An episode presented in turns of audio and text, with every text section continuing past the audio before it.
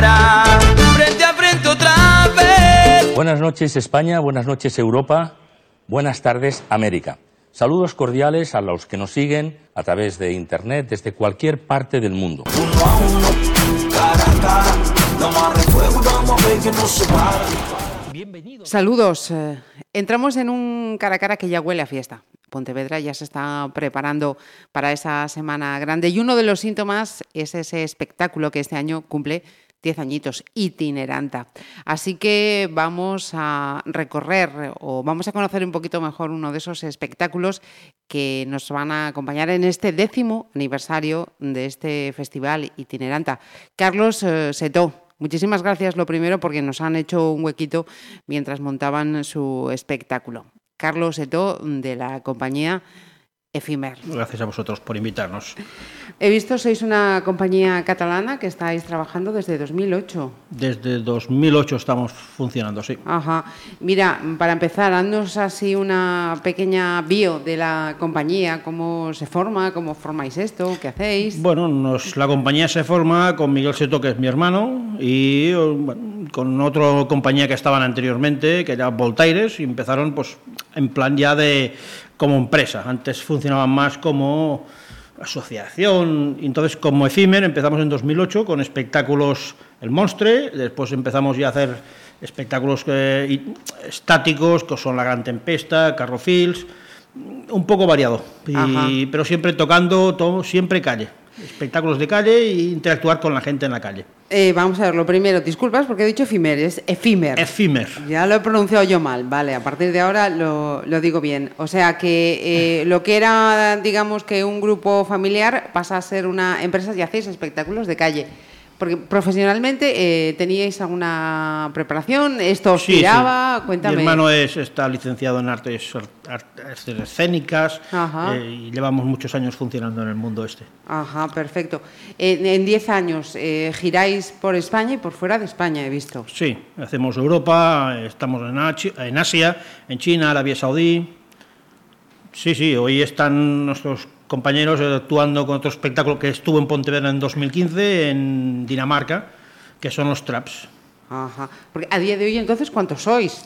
Eh, somos unos entre 12, 9, vamos funcionando, depende Os de los espectáculos de calle que tenemos, sí. Claro, mira, es que precisamente eh, recuerdo ahora que comentas esto, una charla que habíamos tenido como esta, en el mes de febrero, con Troula, que precisamente también están Los gran implicados. amigos de Troula. Efectivamente. Entonces, ellos nos decían que, efectivamente, dependiendo el momento del año y la demanda de los espectáculos que se requieran, pues había que repartirse en distintos eh, escenarios.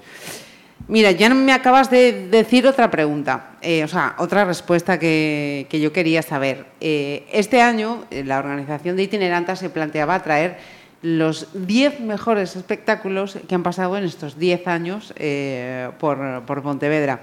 Vosotros estáis en ese decálogo entonces, y fue, me decías, 2015. 2015. Con este mismo espectáculo que traéis este año, entonces... Sí, hicimos el mismo espectáculo y vinimos con dos espectáculos más, que eran el Peluche y los Traps. O sea, que habéis estado ya tres añitos. En el 2015 estuvimos con los tres Ah, espectáculos. con los tres espectáculos. Vale, vale. Y os habéis quedado con el The Dance of the... Nos han escogido de- el dance. Perfecto. Es más cañero por la noche. Ajá. Y entonces, eh, vosotros que me dices, estáis eh, girando por España, por Europa, por Asia, eh, con esa perspectiva que os da esa experiencia, mm, ¿cómo se ve desde esa situación un evento como es Itineranta? Bueno, el evento itinerante es un festival como en todas partes de Europa, sí, organizado bien. Nosotros solo nos vemos el día que estamos, no vemos el global del festival. Pero la estructura es la estructura homologable a cualquier gran festival de Europa. Es decir, no es. Tendrá menos presupuesto y tendrá menos movimiento de espectáculos, pero es un festival que 10 años de festival son muchos años para un festival Ajá. a nivel local. ¿No, no es habitual que tengan tanta trayectoria? Nosotros vemos muchas veces festivales, arrancan muy fuerte, después depende de la gente que lo empuja, pues no aguantan tanto. decir, Ajá. Y un festival como este, que está llevado por otra compañía como Stroll, es decir, que Sí, no sí. son profesionales exclusivos que están todo el año gestionando Esto, y cobrando. no se de- dedican efectivamente, Exacto, claro. es decir, Ajá. Mira, eh, el espectáculo de, de, calle, que tiene para vosotros de, de, diferente, de especial, que no tiene otro tipo de formatos de, de teatro, de espectáculo como el que, como el que hacéis. No lo sé, nunca he hecho sala. Siempre hemos ¿Nunca estado, hecho sala? Nunca hemos hecho sala. Siempre hemos estado en la calle. Ajá. No, nos va el rollo este de interactuar con la gente. Ahí, ahí va, ¿no? Ahí sí. Sí. que no hay ningún velo, ninguna Sí, distancia. El- mucha improvisación, eh, mucho adaptarte a las, circunstancias. eh, claro, hoy estamos aquí muy bien, pero hay veces que están lloviendo, hay veces que el público te cuesta hacerlo funcionar. Es, es, es- es otra experiencia. A nosotros nos gusta esto.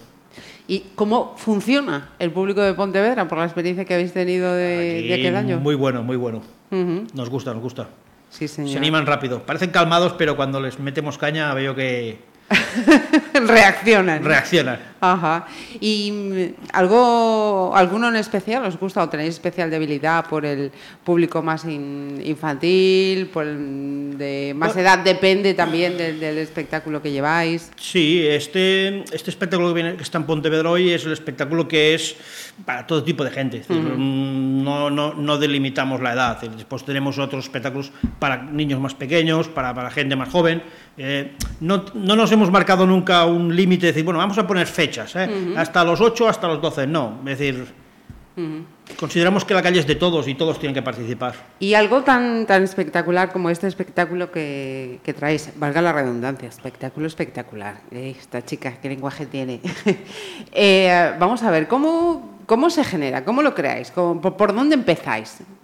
Esto es la parte creativa de mi hermano. es decir, Esto no estoy en su cabeza, pero bueno. Este te aparece un día por el taller que tenemos propio y te empieza a explicar una idea y bueno, pues entre todos miramos a ver cómo la podemos adaptar, cómo la podemos transportar y cómo le podemos dar una salida que, que se pueda comercializar a nivel de calle y Ajá. que la gente nos lo compre. Es decir, Porque- los artistas crean, pero crean, no, no Claro, piensan. cómo los artistas crean, pero no sois vosotros los que creáis, por ejemplo, esa gigantesca marioneta. Que, Sí, sí, que nosotros lo producimos ¿También? todo, lo construimos todo, sí. Ajá. Todos los espectáculos son producidos y construidos por nosotros. Tenemos, bueno, tenemos un taller propio y lo hacemos todos nosotros, sí. Ah. ¿Cuánto puede llevar a hacer eso? Esto realmente está, está el- aparte de lo que puede llevar, es que siempre estás trabajando en ello. Porque siempre ves cosas que puedes mejorar. Es decir, este esqueleto lleva funcionando desde 2008, pues empezamos con él, y 2008-2009, hay temporadas que trabaja más, temporadas que trabaja menos, hay veces que puedes destinarle más tiempo y más dinero pues, a invertir, a cambiar, pues, pues ponerle más técnica, decir, más mejor sonido, mejor iluminación. Pero bueno, sí, el proyecto que tenemos que hemos tardado más, eh, estuvimos dos años. Caramba. No es continuo, no son ocho horas de taller, porque aparte sabes que los artistas tampoco son de, de jornadas muy rígidas. Pero se puede, se puede. Es, eh, tienes que hacerlo. Decir, si tienes una idea, tienes que tirarla para adelante. Claro. Pues que con el equipo de gente que hay, pues podemos adaptarla para que pueda circular, que podamos, claro, no hacer un mega espectáculo que al final no tienes mercado ni opciones de poder moverlo. Ajá. Claro, o sea, cre- creáis desde eso, la idea, Sí. crearlo, lo que es materialmente, controlar la iluminación, el sonido, todo eso que acompaña también, pues eh, el humo, Enriquece, interpretar, todo, absolutamente Todo, todo. todo, todo. O sea, Vestuarios sois unos también artesanos del teatro, absolutamente, en todos los sentidos. Digamos que es tan complicado a veces explicar solo a una persona lo que quieres, que al final, pues bueno, eh, con nuestras carencias, tampoco somos buenos en todo, pero somos aprendices de todo un poco y maestros de nada. Mira, eh, una cuestión. Sí que he visto que, mm, por ejemplo, en este eh, primer día eh, sois, eh, creo que salvo una, todo compañías catalanas. Hay mucha tradición, mucho arraigo en el trabajo como el vuestro. En, en Cataluña sois quizá una, una referencia en la península.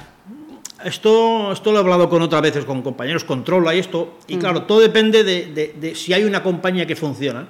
Se van naciendo compañías de la que se van recreando entre ellos. Ajá. Es decir, claro, en una zona que hay una pequeña compañía, pues bueno, si consiguen tener un movimiento estable, una rotación de espectáculos, pues de allí salen otras compañías. Y en Cataluña no es que seamos diferentes, pero hay mucha compañía que ha funcionado a nivel pues, de, de pueblos, eh, de festivales, y de allí se crean otras pequeñas compañías.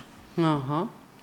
más o menos, si, si, si, viéramos todos los catalanes que venimos por aquí, eh, yo no porque yo soy más técnico que artista, pero eh, casi todos todos tienen vinculación con ellos. Es decir, siempre ha habido uno que ha estado en esta compañía.